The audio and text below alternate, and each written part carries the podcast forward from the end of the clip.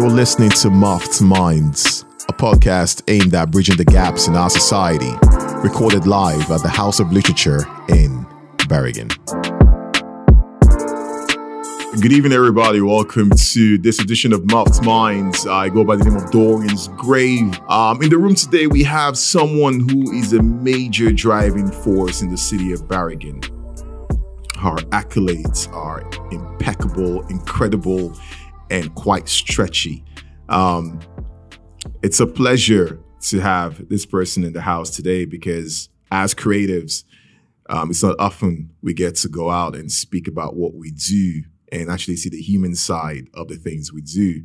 And therefore, we do not take this for granted. Um, ladies and gentlemen, by way of Ghana and currently residing in the city of Bergen is Eunice Hammond. Thank you. How are you? I'm good. Yeah? Yeah. Good to have you here. No complaints. No complaints. No. No, it's um it's good. It's not often we get to see you out like this, you know, doing uh Yeah. Um, I guess I'm quite a busy person. So yeah, we noticed. you know that. You know the story. you know what? I I don't know the entire story. And uh, I think I think we want to find out today because that's the reason you're here, to be honest. Um I would like to think I know the story, but always when you really sit down and talk to people, then you begin to find out things and you realize, damn, I really don't know the whole entirety of it all, which we'll probably never know too. We'll hopefully find out. So let's gonna start from the start. Um, tell us about Ghana, growing up in Ghana. I think growing up in Ghana for me, um, because I would like to take it in terms of me, uh, because I have found out that we come from different families in different situations. And so for me, it was um, growing up with, um, um, I mean, African family, grandparents, um, aunties, and uncles, and yeah. So they were actually a major uh, force of, uh, of a part of my life. Um, so I had um, I have brothers and sisters. Most of them are in Ghana, um, but we spent a lot of also vacation with my grandparents and yeah, and went to school and did normal things that young people do Like what?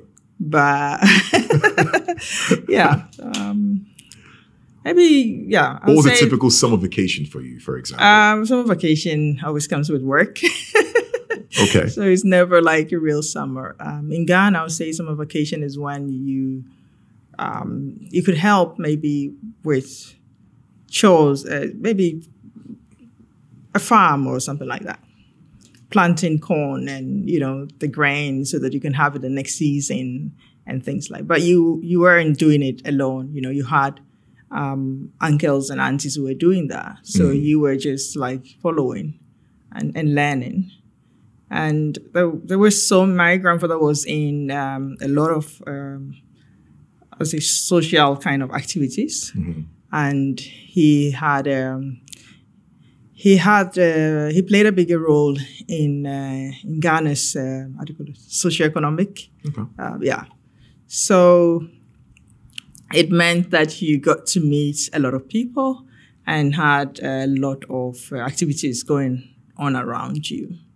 And I would say that kind of also instilled in me uh, some kind of discipline and work and focus. And and yeah redefining who you are and you know and um, i would say with family and aunties and uncles around you you constantly getting like feedback. Okay. and feedback becomes normal for you so it's not about And it's not I- always positive feedback, was it? no it's not. But it, it's like a gift you know you you never feel isolated also because you always have this foundation with them that there's always going to be somebody there for you. So i would say that that's my ghana you know um, family uh, friends community that is is what i'll call ghana for me And you grew up with six brothers. Yeah, I grew up with six brothers, so it's uh, it's it, there isn't anything like okay, you are the girl, so go. You know, we all Right, we all doing it, and and you have to do your part. Um, you have your responsibility; they have their respon- their responsibilities, and and it's more like a team because there's no way you can run a home when it's you know when it's so many uh, you have so many kids, uh, brothers, and yeah, Siblings. yeah, siblings, then it's everybody has a responsibility and we all do our work and then at the end of the day, um, it's done. So when parents are there, they cannot, you know, in Africa setting, your parents are not going to be going out washing your things for you and all that, like do it for you. That- That's nothing like that. So You do it yourself. you do pretty yourself. much. Somebody somebody takes care of the car, washes the car. Somebody um, gets fixes the compound. Somebody does the cooking. Somebody you know goes to the market, Mm. and, and it's that way. Um, So you, would- I, I feel like when you grow up with six brothers, it's it's like tough love. there, there is no, well, well, of course there is sympathy, but you're not kind of expecting people to catch you. You know, you like you said, you play your role, you do your thing, and the discipline is there already. um, I I generally like knowing like for guys like who are you going to complain to? Right. Like you can complain to your brother and say, you know, there, there isn't any. Um, you- we can talk about it, we can communicate, but we can't like you can come complaining about things, or you can ask for help. Um, so it is um, about doing your part Right. and and also coming with concrete, um, I mean, response Absolutely. on what you need and what you you know why this and that. It's it doesn't also mean that it's not that you're not emotional, but it's just that let's get done and go. You know, um, it's, it's uh, So you grew up in a very well, I would say tight knit family. Everyone did their part, everyone did their thing, and then you go on to study at uh, Kwame Nkrumah uh, University of Science and Techno- Technology, where you Yeah. have a bachelor uh, in arts. How and why did you choose that? Um, I would say that I personally, I, I, I, I think that in my family, like we all have this, um, you know, creative side that each and everyone has it. Uh, my, I'll go back to my grandfather because my grandfather he was there. Uh, he was like a senior uh, engineer Okay. when and he actually managed them uh, to build this uh, the dam in Oh. in Ghana. So, and my father also had this, did similar things with um, as uh, an engineer, um, building construction and all that. So I spent, like I was saying, my summer doing all these things, you know, in summer Wow. you know, and so and then you go to school. But when I I did my uh, how do you call it? We call it O levels. The Uh, yeah, the O levels. level. Yeah, and then and then I from there I had to go sixth form. Then I went from boarding house to um, a day school, Okay. and my dad wanted me to be close to home. So then where I got was a boys' school. Okay. yeah, and actually, that was the first time that they were introducing girls um, to to the, that school, and it was it's one actually it's still one of the best secondary schools in in Ghana. Okay. Um, How many girls so were there when you were? I think we were maybe like ten or Then how many? How many eleven. boys? the whole school is boys. so we, I spent my sixth form with uh, um, in a boys' uh, school, and there you get to also learn a lot about um, communication, what is not, what is you know, and generally. I also learned that guys really would like to help you and to support you if you are very clear on what you want and how you want it. Um, yeah. So these are some of the people, and I would say that as I grow, I as I went to the university as well, I would meet most of these um, the, stu- the, the my colleagues in the school From the O level. from the O level, from the um, sixth form in the university as well. And up to today, I still have friends um, that are, yeah. So it's, it is, um, I was in the university, I took art uh, because I was really good at it. and um, Arts and, crafts. No, a- I took um, I took art ju- just general arts. As opposed to engineering, because if your god, if your your grandfather is building the dam, which is pretty intense, and, and your dad is an, an engineer, yeah, but and you were very involved with them, so yeah, but everything starts with uh, with drawing. no, true. Yeah. So you you just have to find your own path, also what you are good at, you know, and you can't. Um, in my family, we never put like, okay, he did this, you, you did this. You find what your path is, and then you do what you are good at or comfortable with, and and that's what I did. So I got to come uh, to take, uh, I think it was three years or something, at uh, Kwame Nkrumah University of Science and Technology. And then from when I d- done with that, I got a job. Um, I, yeah, when I was done with that, I um, got a, a teaching assistantship in the university, and I did that. And then from there, I got a job In Ghana. in, in Ghana. Um, in, it's called World Vision International. Um, and there I worked for about two years. And then I got a scholarship to study here in, in um, at the Kunsai School Oh. here to take my master's in, in art. So then I came, then I did art, and I specialized in ceramics. Um, yeah. And from there, I went back home. Um, I got married and I came back okay. to, to Norway. So it's it's that's just been the journey, like You come in. constantly. Um, Sorry. Right. Sorry about that, ladies and gentlemen. Just someone had to come inside. So yeah, you were saying. Sorry. yeah, so that's that's me. Um, I like learning a lot. It's just who I am. I need all the time to read, to read uh, because I'm creative, and it can get boring when um, you have nothing to do, and uh, you know, it's okay to get a normal job, uh, but you need to um, how do I say it? You need to work. You know, you always have to improve over what you're learning and where. You know, It's a learning process Yeah, all the yeah. time. It Isn't it? can get boring. It, it get boring when it becomes a routine. Absolutely. That's not. Then we're gonna go and talk about. We're gonna jump back to you coming to Norway, and of course the disparities between here and, of course, Ghana. But given on what you just said right now, it kind of forces me to say what I said to you early on, which is um, the, the absence of business and creativity is pretty much victimization, and the absence of creativity in business is pretty much a waste of time. So what you're saying is it gets boring. When it gets boring, what do you do then after that?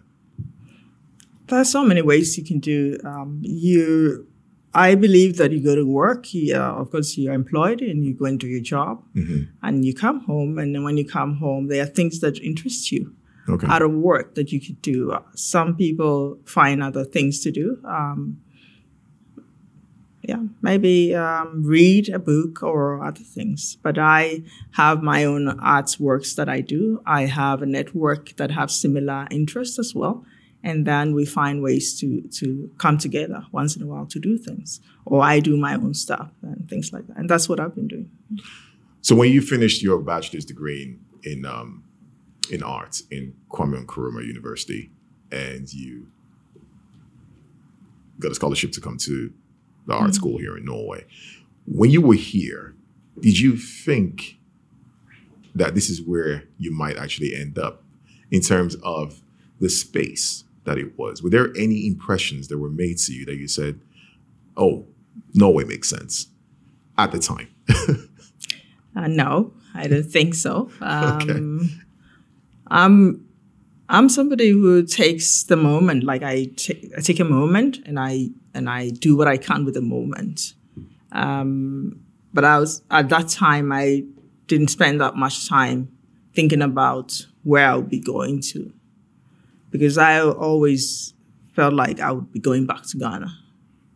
Yeah, so yeah, that's how it's been. But that's the that's the that's the that's the thing I'm trying to get at because if you come here and then you feel that need, not needs, but the, the- your spirit is telling you at some point I have to, I'm going to go back to Ghana. What was in Ghana? It's family. Um, it's family's friend. It's um, a whole, you know, network network that you formed uh, your whole life, and you have a, a safer article. You feel safer because you don't have to worry. Okay, I don't have my mom here. I don't have my father here. I don't have that. I don't have my sister. And we should also remember in those times you had to go and buy this card okay. to make phone calls and all that stuff. You know, the right. whole process is just like okay, you know, and yeah. So, but the point is that the con the the condition under which you came was to study and go back. Mm. And so there isn't this, you know, um, what am I going to, I want to stay or something like that. It's like, I'm going to get steady what I want to finish with and then go back to Ghana because there are also opportunities there in Ghana. Of course. And I have, for some of my friends who are in Ghana, they are in Ghana, um, either lecturing or whatever they're doing, and still um, being able to travel and do other things other places, um, you know, and contribute to society. Um, I mean, the world. So of course. It's it's um, it wasn't something I was thinking about, but um, it happened that I had to stay, and um, and then you and then you kind of make the best out of it. So it was just like learning how society works mm-hmm. because there's a difference between when you are a student, of course, and when you're not a student. Mm. So when you're before a, real life kicks in, yeah. So when you're a student, you basically go into school, interacting with your lecturers, students, and all that, um, uh, classmates. Mm. Um, but then when you get into the real world, there isn't anything like that.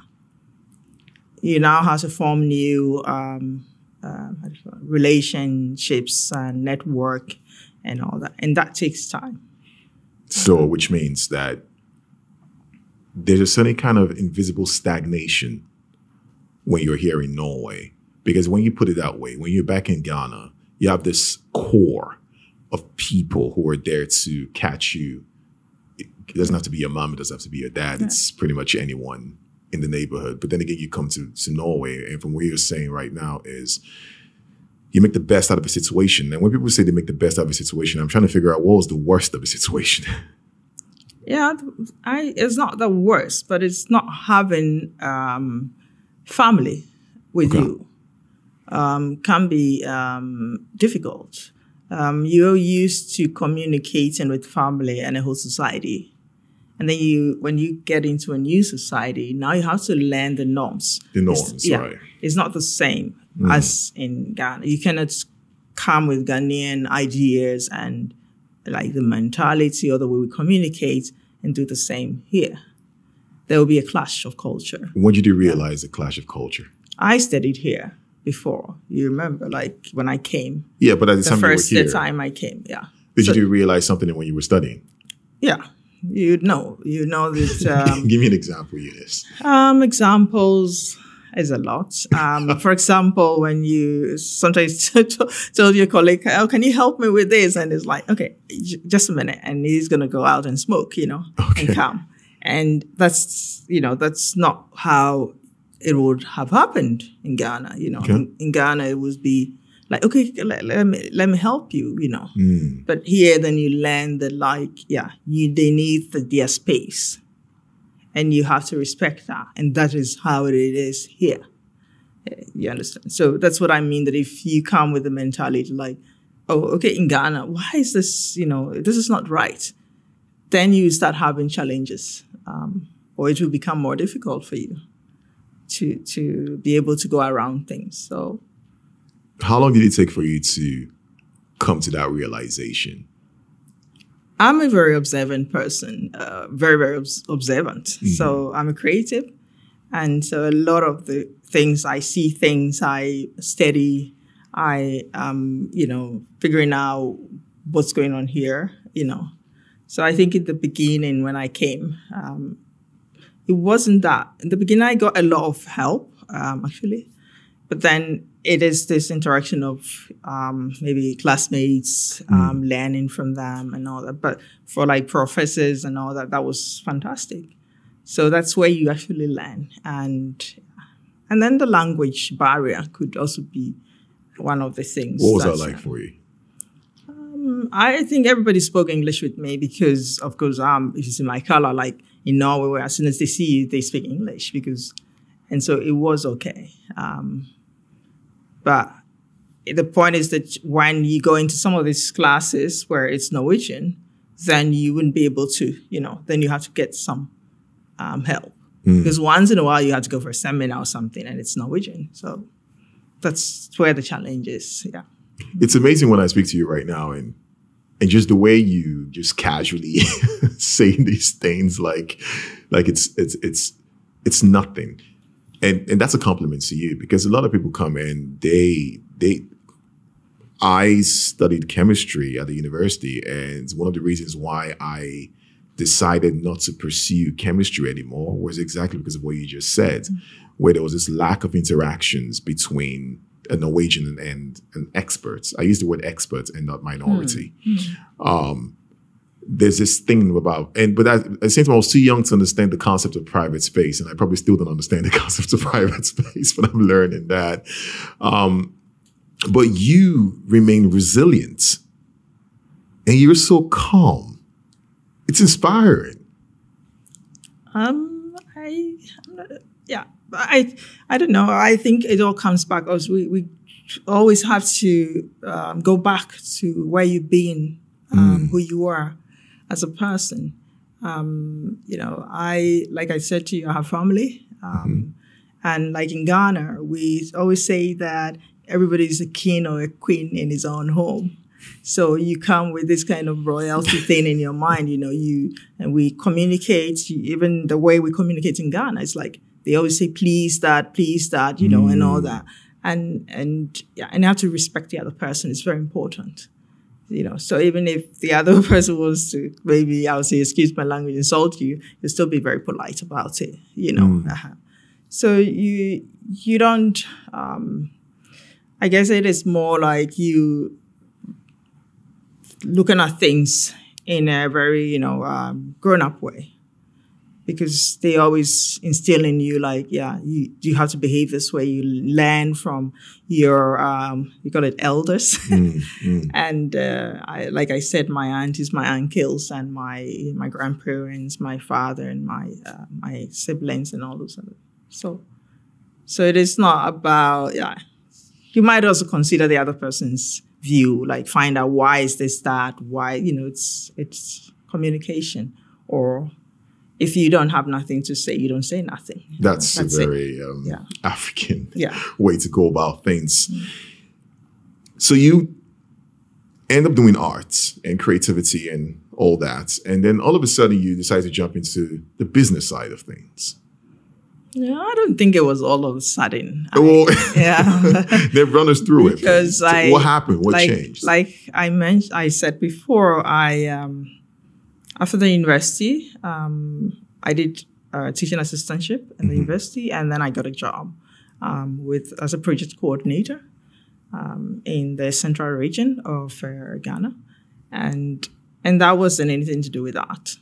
that wasn't what? It was a project coordinator, so it wasn't anything to do with that. It was No. more based on community, um, helping communities uh, with their um, amenities and all the things that they needed. Um, and then something to do with child sponsorships um, between Europe, uh, Germany, and, in Ghana. Okay. So that was, yeah. And I also mentioned that I was having like summer jobs with my father uh, whilst he was working, or wh- when I was also younger, we spent more time in the summer, some part of the summer with my grandfather. So you learn a lot of things, and so that's uh, the art is good. Um, you learn it, but then real life is not just art, you know. Right, you got to pay the bills. Yeah, too. you have to pay the bills, and you have to start thinking about what am I really good at. I've done all these things. Now I can do that. I can do that. I can do that, and and that's what uh, that's what I did. So I decided to take um, another um, uh, master's degree. I think the last one I took was in uh, this uh, supply chain management uh, at, uh, at Manchester at Salford University and uh, and I've been working uh, before that. I've been working in procurement. So I got a job uh, earlier on at Oatfield. And then I thought after I, I done with that, and then I went to another place, and then I thought, okay, why don't I just take care Okay. a master in that and be done with it? That's what I'm trying to say. You just like it's Yeah. amazing. It's amazing. But it is easier when you take the first master. You know the um, how things work, Right. and so you know you have to study. You have a plan. You've been doing this with a bachelor's degree already. You have lived on your own uh, for many years. You, I have gone to study. I went to a boys' school. I did all that. So it prepares you. Uh, structure is very important. Discipline Right. is very important. And then you just go in and you do it. And it doesn't have to be perfect.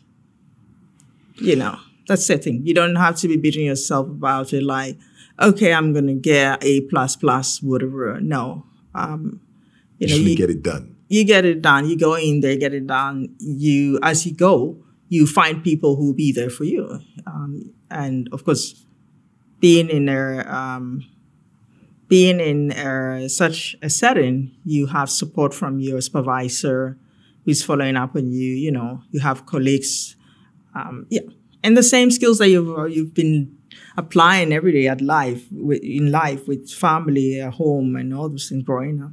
You apply the same thing, so it doesn't really change. It's actually, um, I think, as you grow, it becomes even better and more effective. You be- Because you kind of naturally learn how to navigate your way Yeah, through the system, yeah. so to speak, for lack of a better words. So you go into business and y- your your resume is insane. I, I don't even know where to start, and I don't want to get into it. That's good. I'm going to tell people to go check out your LinkedIn uh, page on Google or something, and it's just ridiculous. Um, but then again, when you get into this thing, now let's remember this: you studied arts, and I always say to to myself, uh, as an artist myself, it's like it comes back, doesn't it? Yeah, it's it's always going to be with you. Um, art is everyday life. It's about sustainability. It's about even the air that we breathe, the people we talk to. We always we right now sitting down here. It's about art. We are having conversation, but it's about storytelling. Uh, my life and and you ask me questions and taking me through the journey. So art is constantly with us, and um, it depends on how we see it and how we what we call it because we have people have we have different names for True. Yeah. True. True. But here's a curveball question. Here's a curveball question. Um, am I wrong if I say that you probably would have gone into art much quicker if you were still in Ghana? um maybe maybe I'm I don't know No, because here there's this there's there's a thing about space. We talked about this earlier. A thing about space where in Norway it almost seems as if it takes you back or it slows the process is pretty slow for some reasons or the other. We can mention a lot of things here, of course. Um, before you actually get to do exactly what it is you want to do because I do believe you always known what you were going to do somewhere deep down. yeah yeah in that context so that I think it's a yeah um it's a yes um but we shouldn't forget that you we are in a new environment Okay. you need to spend years to learn language, learn people's skills. Y- y- art- doing art for who? You're doing art for people. So you, you need to understand why they talk that way, why they, you know, which comments are mean what and all that. And it takes a while to do that. But doesn't that re- doesn't that ruin the creative process itself? Um, it can set you back a bit, but at the same time, when you get to where you're supposed to get to, then you know that I can do this. Because you need that confidence, you know, art, people do their art and still hide it. But you need to be able to have the confidence to say, I've gotten it now, and now I can put it out there. How long time did it take for you to actually acquire that confidence? Um, it took a while. Um, In years, for example. yeah, years. It's years. It took a while. Um, I I don't know, but I think it's. I'm still learning a lot of things. Of course. Yeah. So it's never done. Like um, you'd know a lot of things in um, in the society, you know, in the communities. Um, who is doing what? Um, where do you find what? You know. Um, I know that there are a lot of uh, people applying maybe for like funding and all the stuff to do their work. Um, it takes time to even learn what to write on that in that funding uh, process, you know, because it's not just about writing. Of course. Yeah, and we will say that the same way that it is like when we write a letter here, it's not the same as we would have written it if we were in Britain or not in Ghana because Ghana is more like we have this British licenses. It's not the same. You can address it the same. Okay. Yeah. So you're saying that you need to understand your society first or the social structuring of the society before you can actually get into your your your your your what we call it your passion projects or whatever it is that makes you tick as a human being. But let's now take it back a little bit. Now you're growing up with six brothers. Because part of your activism is having more women in leadership posi- positions. Hmm. And of course, you're trying to create more entrepreneurs because there are not that many entrepreneurs of people of color, anyways, here in hmm. Bergen or in Norway as a whole. Yeah. So when you were working as a when you were doing your procurements and when working in I call it corporate, even though you hmm. disagree with me, um, what did you notice there? How many were there? Were you the only person of color, or were not that? Were there not that many of them? Uh, I would say I was only. I You were the only one, person. Yeah. Why? Why? How did that? Did you? Did you react to this mentally somehow? Um, not like that until maybe if something happens, um, then you then you recognize that okay, I'm the only I'm the only black woman sitting at the table. So- but uh, but um, I think it's I haven't thought of I I normally don't think about things in um, maybe the way you described it. Um, I go do my work and I'm out. Um, you know, and I do it well. So yeah some i would say that it's it it hasn't been so much of a problem in terms of being alone there but it can be a bit lonely being alone there sometimes you know because you would rather have more um how do you call it people with foreign some kind of diversity as well in these environments. So you could try to maybe because to escape the norms, I guess? To escape? The norms. Um, I think when how will I say when you go to Rome, you do what Romans do. But when we sit at the table, for example, I'm an entrepreneur now. So when I go out into spaces where we have entrepreneurs, I also still have the same challenge where I don't see a lot of uh, uh, people from maybe from Africa being in that space. But then again, you do you do play a strong role in the African community here, especially with the Ghanaian community. Now, if we decided to make a quick comparison, um, let's say you were sitting at the table in the African uh, Union, in which you play a decisive role, and then you were sitting at a table in one of the companies you've worked for, where you're the only person of color. From an artistic, emotional perspective, what are what are the differences? Um, do you see the differences right away, or are you the same person? No, I, I, I don't think you'd be the same person uh, in that context. Um, when you go to corporate, it's corporate. We get a job done. You come with, you know, you talk to people in a certain way. Uh, formality is a bigger part of it. Um, when you meet in terms of um, the, this, uh, is it organizations, um, depending on um, who is there or what you're meeting about or why you are there, then it can be a bit social uh, there as well. And that's where you get to know, build maybe a bit more network Right. in terms of society Right. that you live in, um, not just work related. Um, so there you can talk about um, different things. Um, you know, um, sometimes it's just more jo- like jovial Yeah. in that context. Um, yeah, but I, I generally think that we, like human beings, we have a way of um, uh, if if I was in a Ghana Association uh, meeting, um, you know, and you still find that there are more uh, men there right. than women. Of course. Yeah. So that's the thing. It's it moves. It's like incorporated would be I being the only African uh, woman in uh, an organization like my listen, it would be I being the uh, only uh, woman there. You know. So, I so feel like that's you've always been the only woman everywhere. yeah, but it is it it is it is like it's what it is, and um, we have to talk about these things. You know, because the information we, we are not going to talk about statistics, but data is very important. Absolutely.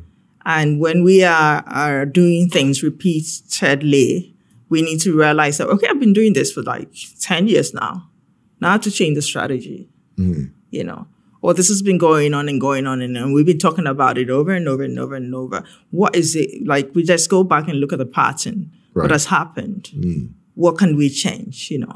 And it's always, for me, it's like bringing it back to yourself Okay. rather than throwing out to somebody because nobody can really solve your problems or your issues or your challenges for you. Absolutely not. Yeah, yeah. But here's a question: Does it scare you in terms of tomorrow? Because when you talk, when you talk about collecting data, um, people of color have been coming to this part of the world for years, and the problem, so to speak, still remains the same.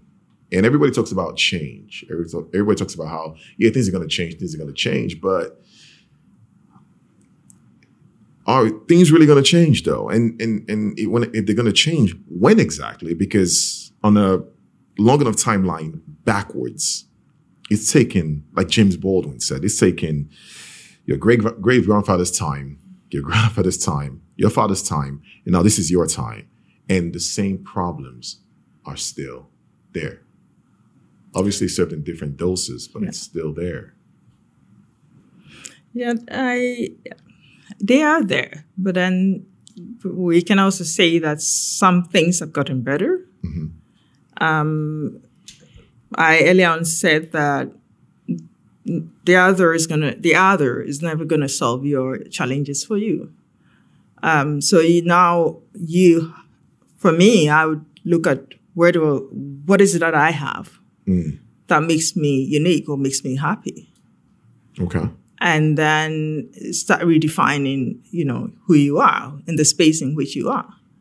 There's always pressure from the other side, Okay. but whenever the other, there's also pressure from this side, it brings some change because we live in a society where policies are made. Um, these are the policies that actually helps us, or um, you know, we live our lives around. You know, and so you need to understand what's going on in um, Norwegian society. Uh, know what kind of new regulations are in there. You know, and if, for example, you want to become an entrepreneur, you can understand that okay, I, things have changed. You know, I can. Uh, before you were going to have to pay like hundred thousand krona to set up a, a, um, a, business, com- a yeah. company, yeah. A limited liability company. But now it's thirty thousand, you know. And then you ask yourself, how am I going to make it? Can I? Do I want to make it money like the next year? You know, because we all know that being an entrepreneur, it takes, um, you know, you have to do like ten thousand hours um, to actually start making some money. You know, A lot of people don't understand that. Though. yeah. So then you better now start early so that you can make the 10,000 hours and be done with, you know, and, and then you start making. So it's, it's understanding, um, the rules. And I mean, when I say rule, I mean, what's going on around you in, in society. And those are the things that can, um, can help us come out of this, you know, the space. But knowledge is, a big part of um, you know what the difference between the rich and the poor. yeah, but that's what I'm trying to say. And this knowledge you're saying is not readily presented to people of color or Africans per se. We're not going to make this, make this a color thing, okay? Yeah, we're not no, going to do I, I that. get it. But let's just address that for a second. Um, like you said, it takes time to acquire that knowledge. Hmm. But I always felt like it takes a Norwegian lesser time because that information somehow, in some way, is readily provided for them, or they know exactly where to go to get that information. And now, as a foreigner, on the other hand, there's so many battles you have to fight just to get to a certain position. And even being a woman, a woman of color, I can only imagine, if I'm not mistaken, how hard that can also be. Yeah.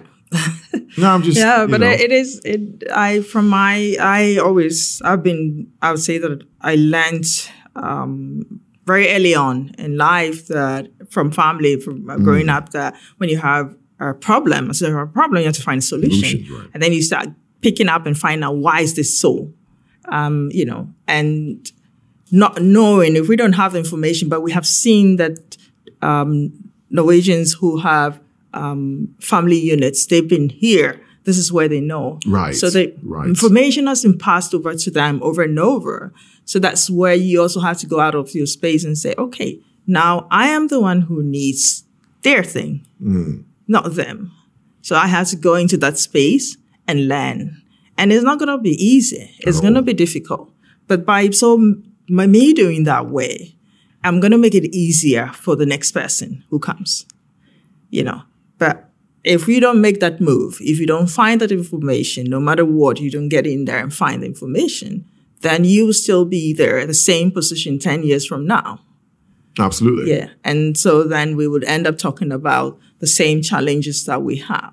So, like I'm saying, somebody has to do the work, and it's not going to be the other, it's going to be you. Um, and since you don't have a family unit or a background from here, you have to start a whole new generation um, going forward. Um, and then you need to leave a legacy because life itself is about legacy. Nobody died and took anything No. with him or her, you know. And so we have to redefine um, why we are here and whatever challenges that we are going through today, we have the um, ability to be able to make it um, easier for those who come after us. Um, and that is the role that we have to play. So that's that's some of the things that I, how I think about it. It's not easy to be um, an entrepreneur anywhere. No. Uh, yeah, but the point is that if you don't find information in Norwegian society where you live now, and if I would say for most people have children here, then you're going to have a whole generation um, that is going to be lost out of information um, because we, or I would say for us who are the parents or the ones before and never uh, really went in there to look for it. You could find a lot of information out there. That is true. Because I also want to play what you call devil's advocate. Um, yes, I did say the information takes time for us to get as Africans, but I could also dare to say that most Africans are not really willing to find that information Um, yeah, if it's it- not it readily is- presented. to them. Yeah, yeah, but it is it is not. You know, we have these two spaces there Mm-hmm. where we don't really meet. Yeah. So one other person has to make take the initiative. Mm-hmm. If you talk to an Norwegian, they will gladly, to, uh, you know, Tell you. yeah, tell you because that's what I said. There's a culture clash there, you know. So we have to. Um, I have my Ghanaian background. I have the culture and all the stuff that connects me to the Ghanaian uh, listen, and I find spaces where I can connect um, with them with the Ghanaian culture, you know. So when we start speaking the languages that we speak in Ghana, it's totally different units. You understand? Absolutely. Yeah. Oh, right. But when we meet in a Norwegian setting, then you it's different as well, because you need both uh, these uh, core Mm-hmm. um, uh, listen to function together. but then you don't, you need to make sure that you don't get lost in between. Right, that. Yeah. Right. Do you find so, yourself sometimes compromi- compromising your own personality? Yeah. yeah. So it's very important that you get, don't get lost in there. And then, yeah, yeah, you have to have a balance there. It's not that easy, I would say. It's challenging in the beginning, mm. but as you um, you begin to find your core, like what part of me, like in Ghana, now we are here, I have to be part of this, you know, help other um, maybe Ghanaians who who is struggling to find a job. I might not have a job, but I could actually help this person, guide this person. You know, I could mm. give this, I could do that, I could do that, and that is what people really need, as like um, people of uh, from a different background. What they need actually is help, right? Support, Support and right. who better understands giving it than those who have already been through it, mm. you know. And so that's where some of the things that we can bring to the table. If this is the case, what you're saying right now, then why are there not that many people of color in the high positions to actually provide that help? Yes, there are some, absolutely. Mm. But I always feel like there's not enough. An African is going through an issue, for example, and you send an African to go speak to a Norwegian. What are the chances of that person getting the answer he actually wants? Is what I'm saying. Because it's easier for the African to relate and say what he feels to someone who probably looks like him. Because that person is most likely going to understand where that person is coming from, therefore allocating the help that's necessary to help the person. That is my point which is part of your activism. Mm. We need more people of color in high positions. Mm. It's not so much to ask for, is it?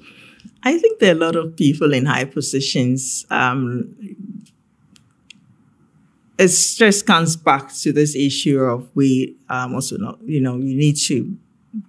Sometimes I I think that we have learned, uh, you know, we've taken up the Norwegian society, the core, the culture. Okay and then we have um, you know we we need to fit in into the the core mm. so then even communicating with your um, fellow African or uh, the radical invandra foreigner is quite difficult.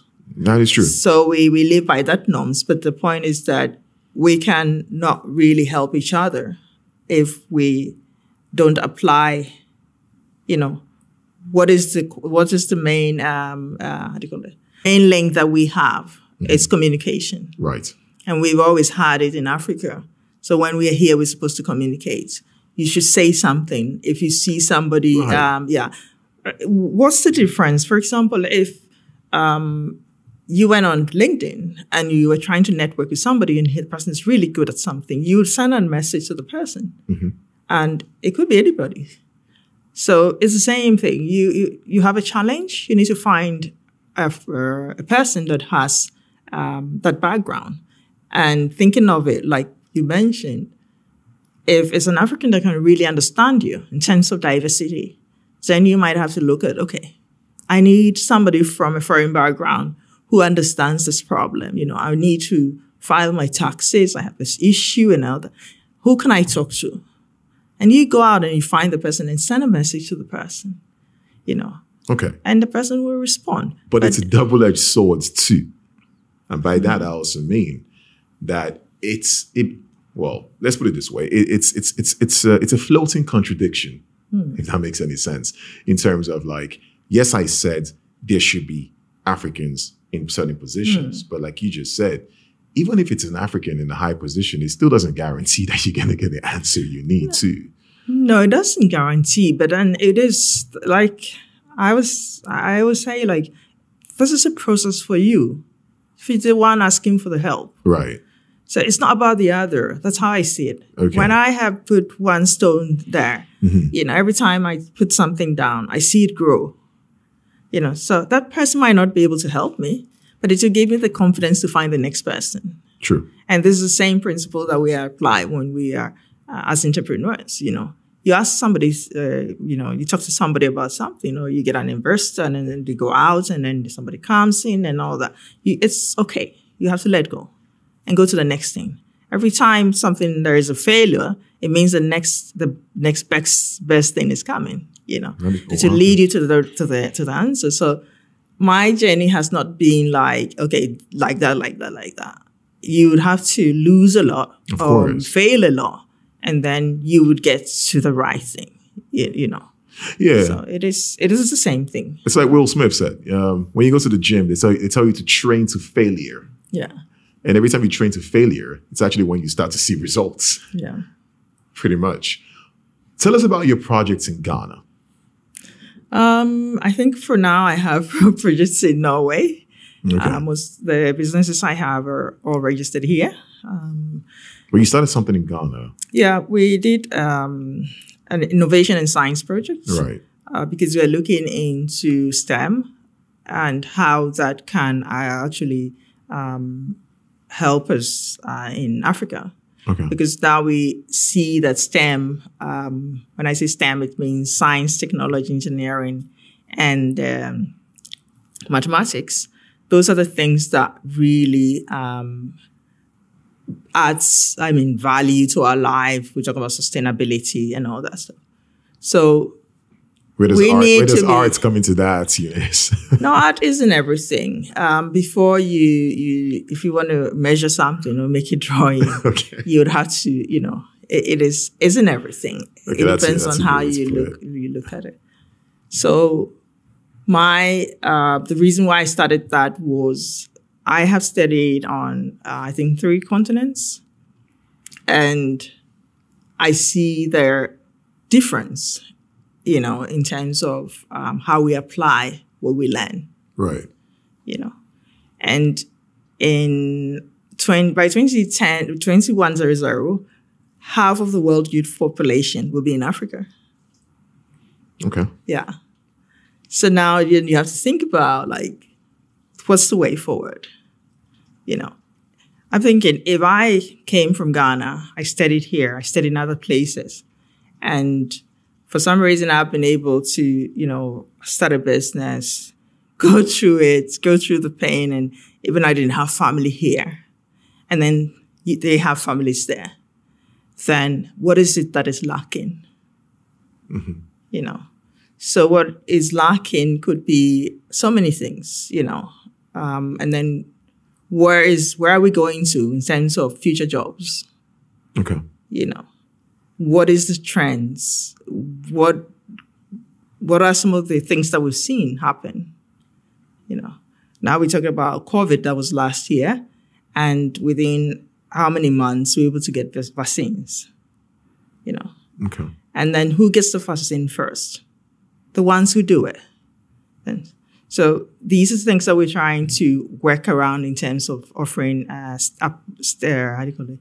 Um, STEM programs that can, or an, an innovation, we have innovation and science programs that can actually um, help with job creation uh, in a very fast uh, way. So that you don't have to, of course, we go take, we have all the education, you Yeah, know, of course. the masters and all that stuff thing. Of course. But now you should be able to apply whatever you learned, um, you know, in life. I mean, you know, and then get the right support. Because what happens, it's just like food. When it stays too long, it goes bad. That's, that's true. So when you don't have a job for too long, then everything that you learned, you know, you have to start all over again. But we know the jobs that are coming now are technology based, you know, science based technology. You need to be good at mathematics, you know, to do these things. And you can't just push yourself all of a sudden into, um, you know, cybersecurity without understanding the basics. Fundamental Yeah. basis, of course. So these are some of the projects that I've been working on here in um, in Norway. But I did some pilots in Ghana to see how that would work. How did that go, by the way? It went really well. Um, we got a lot of good feedback um, from uh, parents. We did like boot camp, and then we had um, we had students stay in there. You know, they stayed over, so Oh, that was a very good experience for uh, for the young person. And then yeah, they did a lot of projects. It's more project based. So you look at a problem that in society, and then you, um, in some way, you come up with a solution in terms of technology. So these are some of the things we we, we did. It's impressive. it's, it's, fun. It's fun. It's fun. Yeah. I can I can I can imagine, but it's not as fun as what you're doing these days in terms of creativity. Yeah, it's in the blood, you know. It's, it's in the blood. So now you've gone to school in Ghana. You've you've come to Norway. You've worked with companies, many companies. You've gone back to Ghana to do projects. You come to Norway to establish or work with NGOs and and whatnot. And then somehow you decide to launch something called House of Hammonds. Yeah, I think um, we've been talking about this for a long time. And I was like, I think some years back, I was like, Michael, what should I call this? what I want to do. And then you gave me a tip there and like, and why don't you just call it something to do with you? And then we, I remember we were just like on the stairs brainstorming really hard. Like, yeah. So, yeah. But it, it is, um, this issue of um, doing some, something sustainable. Mm. And soaps uh, is something that we use every day. Every day. We all use soaps. And COVID actually made it more, a bit more popular. Your, your company? I mean, the soaps, generally soaps. But the point is that most of the soaps that we use have uh, chemicals in them. Right. You know, and so not environmental. Yeah. Right. So the question was, how can we what we can produce something that has no um, has the right oils. I mm-hmm. mean, we have shea butter, we have olive oil, and those, those are really good oils for our skin. Mm-hmm. And we really don't need all the like the creams on our body and all the stuff if we have the right um, soaps, you know. So that's where it, it came from, and it actually also very good for my skin because normally when we're here, it's very dry. Absolutely. Um, the winter, we have a lo- lo- long winter. And so that's why I started thinking this is something I could actually um, do. Um, no, it's it's it's amazing. It's amazing because a lot of people have ideas, and trust me, a lot of people come to me with ideas, and I listen and listen and listen, and they can talk up a storm, and and and and, and it's great, and but but you actually do it. Yeah, this this concept of like do it fast, fail fast, and move on. so, yeah. So you fail if it works, it works. It's you know if it doesn't, then you you'd know. Um, I have a background in art uh, as well, mm-hmm. so I I would say that I have a way of um, seeing things like very observant, like, yeah. yeah, foresight. So I want to do something, then I'm like, how am I going to do it? In what way am I going to do it? And then I have a plan. Um, you know, I don't need to really put it on paper sometimes, you know. And how long did it go? If I may, if I, may, if I may interrupt you there, how long did it go from having a plan on paper to actually, if I get a camera on this right here, that would be great. Thank you very much. So, how long did you go from paper plan to this? Or actually, let's do it this way. How did it go from idea to paper plan to that? I think it took like I it took a journey of three years. Three years. Um, because you have the idea and then mm-hmm. now you have to find what is it in the new for me, the new community that I live in that connects with what I'm doing. Because it has to be done for people. We normally call them customers, you know, mm. uh, consumers. Mm. And what, why do you think that somebody would need that in this environment in which we live? You know. So what is who is who is buying it? Who will need it? Why would they need it? And and those are the questions that you need to answer. Um, do some market research as well. Um, join communities. Um, like I was in a, a Tablerin center. Mm-hmm. Um, yeah, and you meet others there most times you sometimes you get people like yeah, no nobody's gonna nobody needs soap but yeah you know we have the doubters yeah but you have um, you the, the one who owns their idea you have a perspective of what you want to do and you know there will be the need for it i would say that if one person needs if we know that there's soaps in the shop isn't it we mm-hmm. buy them mm-hmm. Mm-hmm. so it it's you come in if you're like the new kid on the block, what is it that you come with? You know. Right. What do you bring to the table? Yeah. What do you bring to the table? And that's where you need to also, for me, go back into society. What's it? Learn more about culture. Um, why is this important? How does what you're going to do connect with the culture and the people? You know, because people will talk to you when mm. they feel that you can also um, you understand their culture. Right. Know? Yeah. And so that's where um, we came up with. So like some of the oils and things that we use as well has to do with um, things that we do we use here uh, every day uh, okay. oils that we use and things because you can resonate with it because if you chose some other oil it could be like i don't know that oil i've not heard of it before okay. you know yeah okay and so you need to think through the whole process um, and as well as connecting the dots with how what role does this oil play on the skin right um, you know, so that's why it takes a long time. Was there a point where you said to yourself, like, you know what, I'm not doing this anymore in the um, process? No, not like that. I you know that I I have a corporate job mm-hmm. as well, so of that course. makes the process a bit more flexible. Mm-hmm. Um, you just know that it's going to take a long time, and uh, you have to do that. You know, be patient with the process. Uh, like we always say, patience moves moves mountains. Moves mountains. so yeah, yeah. Because I think that's a lot of things. That's something a lot of people don't understand, especially a lot of creatives, is that um, I think the mistake people make is putting a date on things. Sometimes, like you could put a date to an event. Mm. Sure, you could put a date to yeah. an activity, yes, or a boot camp or yeah. seminar and all that. But I, I, I always try to tell people not to put a date on an idea. No. No, it is. Um, it it will be when it is right. right. You know when, when it's, it's, ready, ready, it's ready. When it's ready, it's you can't push it. No, you can push it, and things happen as you are in the process. You know, you have family, you have you know um, mm. activities to attend, mm. and all that. I uh, at this point in my life, like I have a daughter who's grown. Um, yeah.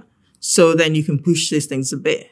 But before then, then you have to be struggling what is more important um, in that focus, in that, in that uh, period. And so these, these are some of the things. Um, it's a journey. Like I said, uh, being an entrepreneur, you have to uh, spend about 10,000 hours um, on one thing. Yeah to get it right. And that's a lot of, um, and there's nothing like, uh, you know, we just started yesterday and we got uh, no. funding today.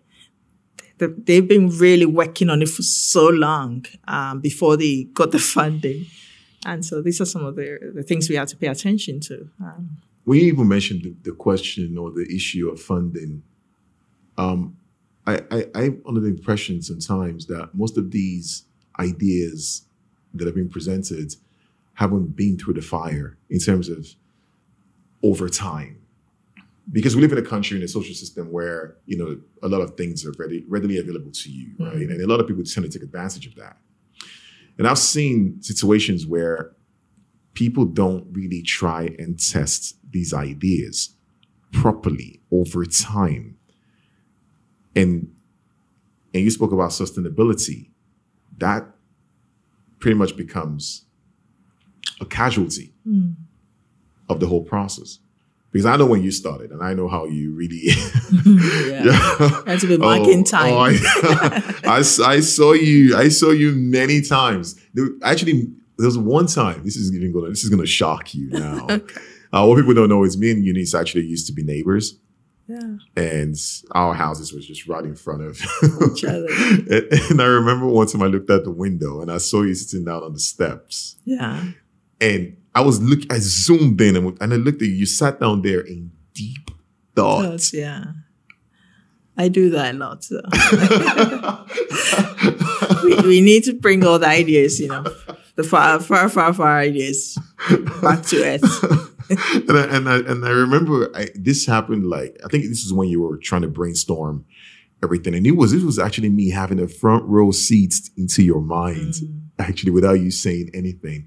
And I saw when you would sit down there, and you would sit down and sit down and sit down, and then you would stand up, and then walk away. And then one day I said to myself, I think I'm going to go sit down with this one.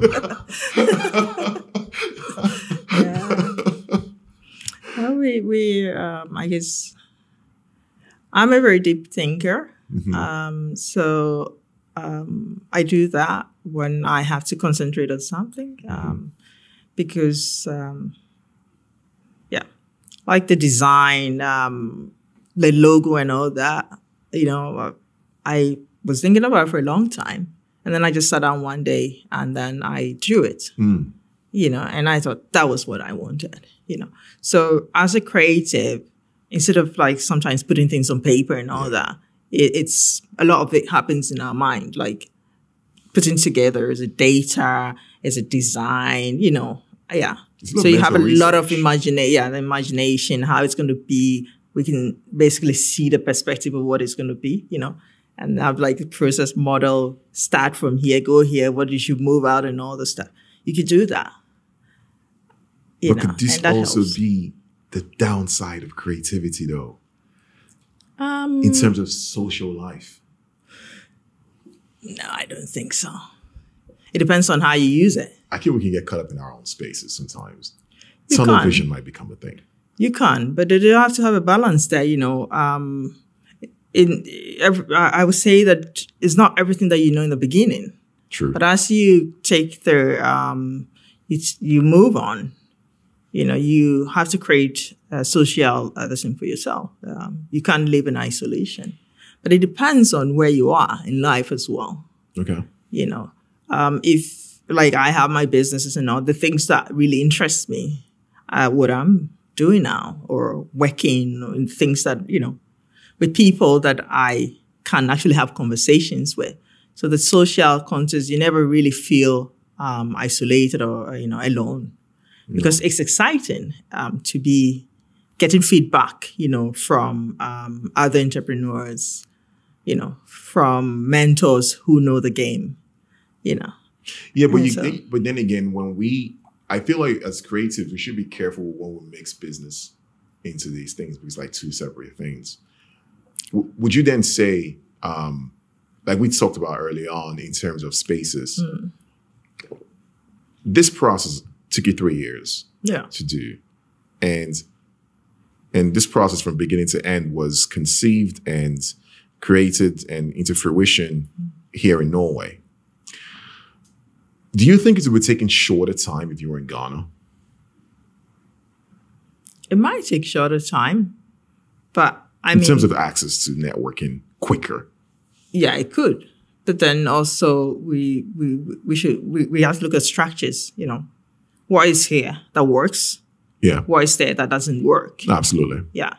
So it might still be three years or even more, Hmm. you know, but you might be able to at least maybe sell the soap without maybe the packaging in the beginning and all the stuff, you know. Right, right, So right, we're right. talking about quality. Where is it that you want to go with it and all that? But there, the possibilities are there if you have the right people to to guide you, you know. Mm. So I would say, from my um, perspective, like in Ghana, if you have a family that is really into entrepreneurship and all that, then the ideas move faster.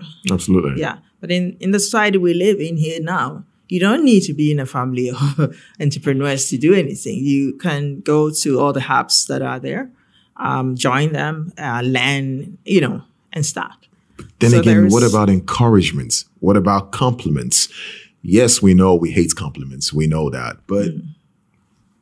there's not a lot of that.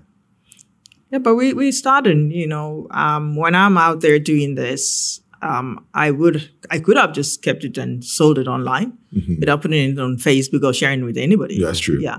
So when we are out there doing it, we need to also, um, put it out there so others can also say, okay, um, She you know, does that. yeah. right? And it's not about people and, you know, we who are already here or whatever, but we're talking about even children or young people who come before us that they know that, okay, if Eunice did this, um, if I wanted to start doing like a t-shirt something or something, or, and she's into, you know, supply chain and all the stuff. Now I want to buy something from somewhere. I could call Eunice and ask her, you know, what kind of, uh, uh, like, uh, what does you know, what kind of, uh, um, in terms of transport, what should I use? You know, you could ask me that. That's true. You, Yeah. So it makes your work easier. True that. Yeah. True that. This is why we say representation is important. Yeah. It is very important. And I, in Norwegian society, we say that um, you have to do more on synlig. You you have to be out there. Uh, if you're at work, you have to be out there. You can just be on your space doing your things. And I apply the same thing in my social thing. But there comes the question of contradiction in terms of Janteloven, right? Yeah, but it, that's not the. I don't think that's how it works. The, the two, we need to separate. You know, the the two. There. Okay. What is it that we want to do? We really want to bring um, humanity, help some other the, the generation. You know, and if we are going back, taking up um, uh, things like you know, we we really want to affect a generation, and then we talk about Janteloven, and then we are really actually bringing that generation back Back. you know. Exactly. So we know what is right, and we know when Janteloven applies. We when we see Janteloven, we know what it is. Absolutely. Yeah. But how do we use it in what context? Or how do we, uh, the way we accept Janteloven in what context? You know, it's very, it's, it's up to the individual. I, I think so. Uh, And I think we're lucky because I think social media actually made it easier for us. Imagine if you had to go around telling people, "Oh, I make soap, I make amazing soap," you know, just going around saying it. I can imagine how people might look at you and say, "Okay, you need to chill." But now you have social media where you can just literally just post, even just the very simple act of posting what you eat. yeah. That right there is an activism in itself, and people don't really recognize that. I think, therefore, the power is in our hands. It Really. is. It is in our hands. I think we we have to have come from this perspective of technology and humanity.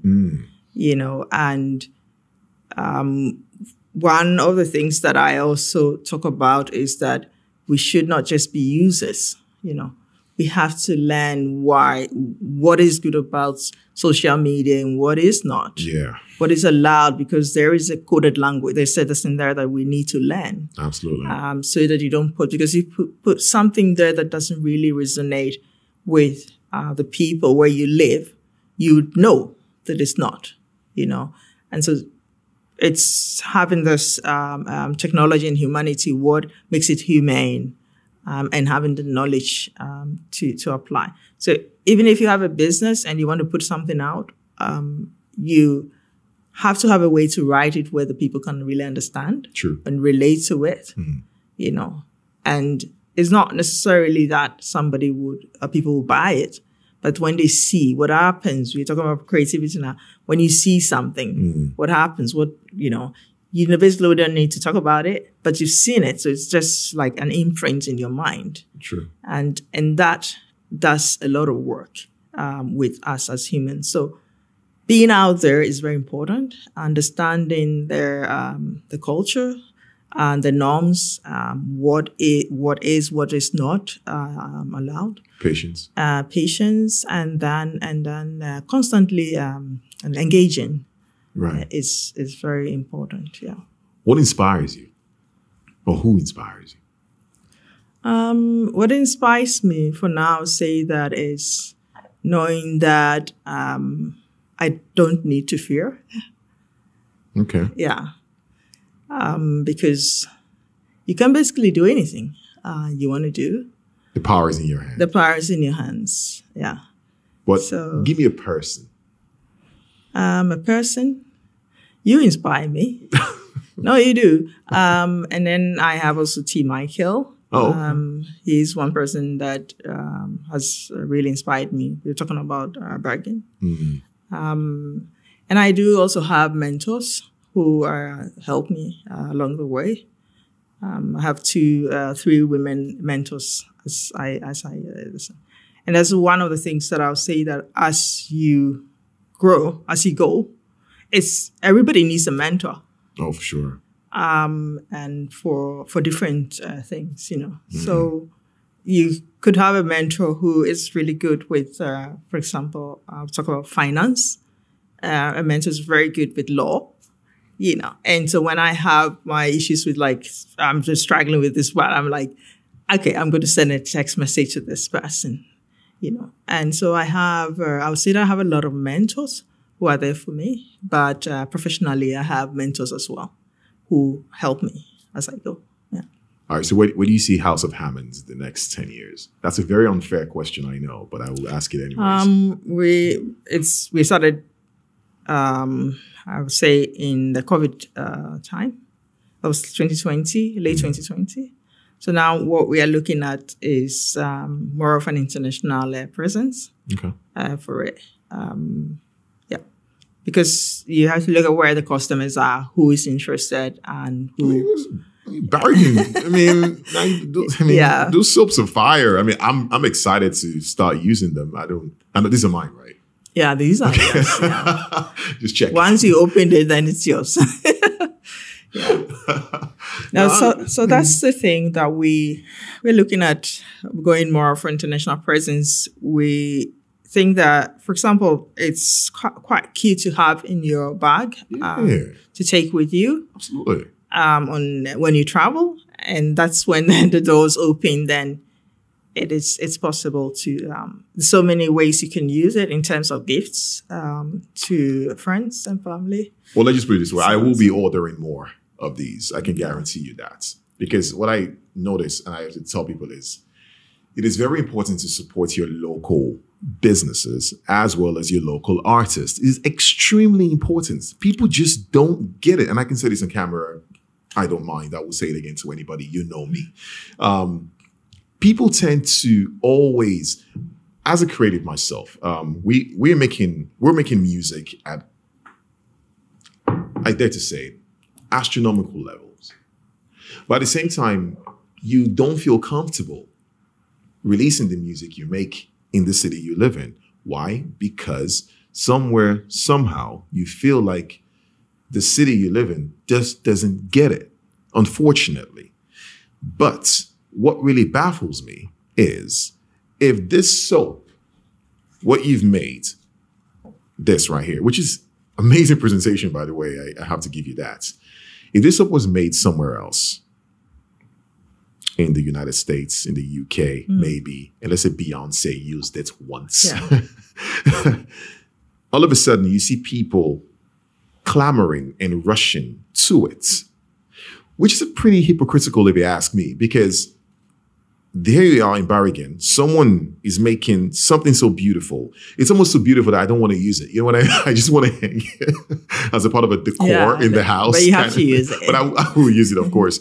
But that's what I'm trying to say is that we are not very good, and I dare to say it, we're really not good at supporting each other in terms of businesses and growth. I dare to say that. Hmm. And people will say I'm being too harsh, of course, as they always say. But I, I, I feel like you have to shake the tree sometimes and say what needs to be said. sometimes it's it's yeah we we kind of talk in um, you know we say people don't uh, support you know but i think that when i have actually ex- had time to talk to people and you know explain some of these things like what's really going on i would say if you know in economies that we know that they're doing well um, it's because that they are buying their own products Right.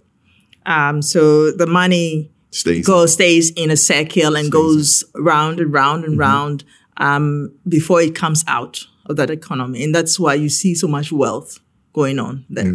So if you have that knowledge, then you understand that you really are in, you're not helping yourself. Every time you buy something out of the country, um, you actually putting money away. Absolutely. Yeah. But if we could buy the things that we make in the country, Absolutely. then the money stays in in the, in the so And the wealth grows. in the wealth of growth. So that is also has to do with knowledge, um, not having enough knowledge about how money works. Right. Yeah. And Right. and and why, you know, you can increase wealth because the money stays among us for a long time Mm-hmm. before it goes out. And in a period of COVID, we should think about it like we could not actually uh, buy things uh, from another country uh, the way we used to, you know. And then in some way, we, as people, we were being given um, support uh, because people were home, you know, they didn't have jobs and all the stuff, you know. And that money has been circulating among us, you know. I know that there's some been some like if you were going some kind of rules and regulations like if you're going to send so much that much money outside, then now you have to show some you know report. Mm-hmm. There's a reason for that, you know. It's to protect the wealth in our, our, our society. So this is how economics works, and if you understand it, then or you get it like the way I've explained it, then you realize that you're not helping, um, you're not really contributing to society by buying things all the time from outside and, and you know into. Um, mm.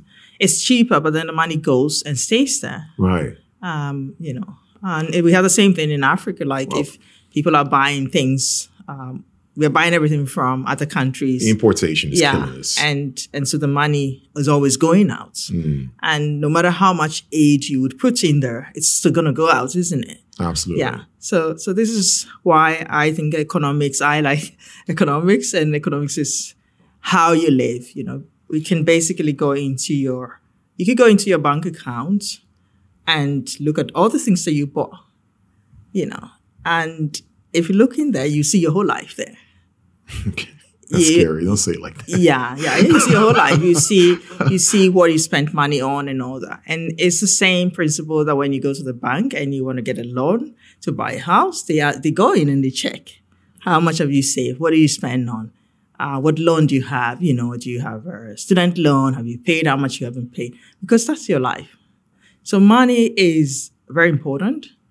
Uh, we we hardly talk about money, but knowing the economics of how things work, Absolutely. that is a way of uh, helping you. You don't uh, need to earn so much or, you know, to, to make life. But if you could have um, an overview of the importance of how economics work and what to do with policy and to do with the environment in which you live in, then you'll be supporting businesses Absolutely. that are in, in uh, listen. And I'm glad you said that. That's it, yeah. Because a lot of people don't understand what you just yeah. said right now, and it's how important it is to know that supporting your local businesses actually keeps the money in. Yeah. Therefore, growing wealth. Yeah.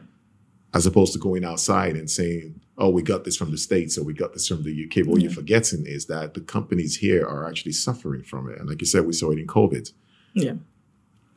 So so these are some of the things like um, we we could we could have an example like um, in the US where they said that okay we're going to produce all our things now, you know, and and these are the basis for for that that to keep the money there instead of doing it in another country. We would rather have it in here and get more people. Yeah, yeah. All right, before we let you go, Eunice, tell us what's um, what do you have in the program? What's next? Um, what's next? A lot. Which one do you want to hear? Shocker. anyway, no, we. I think we're having um, some boot camps coming up. Mm. Um, so just watch out for their um, announcements um, when where we put we, it out Where there. do we see the announcements? Uh, we'll have it on Facebook and uh, I think the Bergen Commune as well. Okay. Uh, to see, yeah. Okay. So you can, um, if you want your kids to be curious and innovative and have fun and. Uh, yeah, I need to get those kids out of the house. I swear, they're killing me. I love my kids. Yeah, welcome. just, yeah, welcome. just being a lot sometimes. Yeah. Um, but hey, I mean, this this this went fast. Um, but but just it's it's nice having you around, and I think it was it's important to highlight people like you um, to come here and talk about what you do. Mm. Um, we, we, we, we can't always sit around and focus on the negativity in our society. No. You know, oh God, this is not happening. This is happening. Or racism, this and this. Yes, we know those variables are there, but you can't focus on that. And it's important to have people like you come around and talk about your progress and your your achievements and your your role in uh, entrepreneurship and business and econ- economy, arts, creativity. It's not that many people doing it. Therefore, it's important to highlight people like you. So, no, so the kids can see and say, oh, wow, there's one of us who did that. We can do that too. Like we said before, these kids go to school, their teachers are white. Yeah. They go to university, the teachers are white. They go to a job, the, the owner of the company is mostly going to be white. Mm. and they begin to think that oh okay everything that's I've said this before and I will say it again everything that's that that's going to give me success has to be has a has to have a close proximity to whiteness mm. you know so i think it's important for us to highlight people like you on this and it's important for people to support local businesses so thank you for doing what you do it's amazing you're amazing thank you for you having know? me I'm humbled. And it's no, I mean, I'm humbled to sit down in front of you, the producer of House of Hammonds, and I should have you sign this, by the way. Oh Just, oh my uh, goodness! You never know. It might, it might be worth a lot in the future. Who knows? I'm still living. I'm an African. Stop signing things. oh my god! I'm glad we still have that sense of humor going on. Yeah.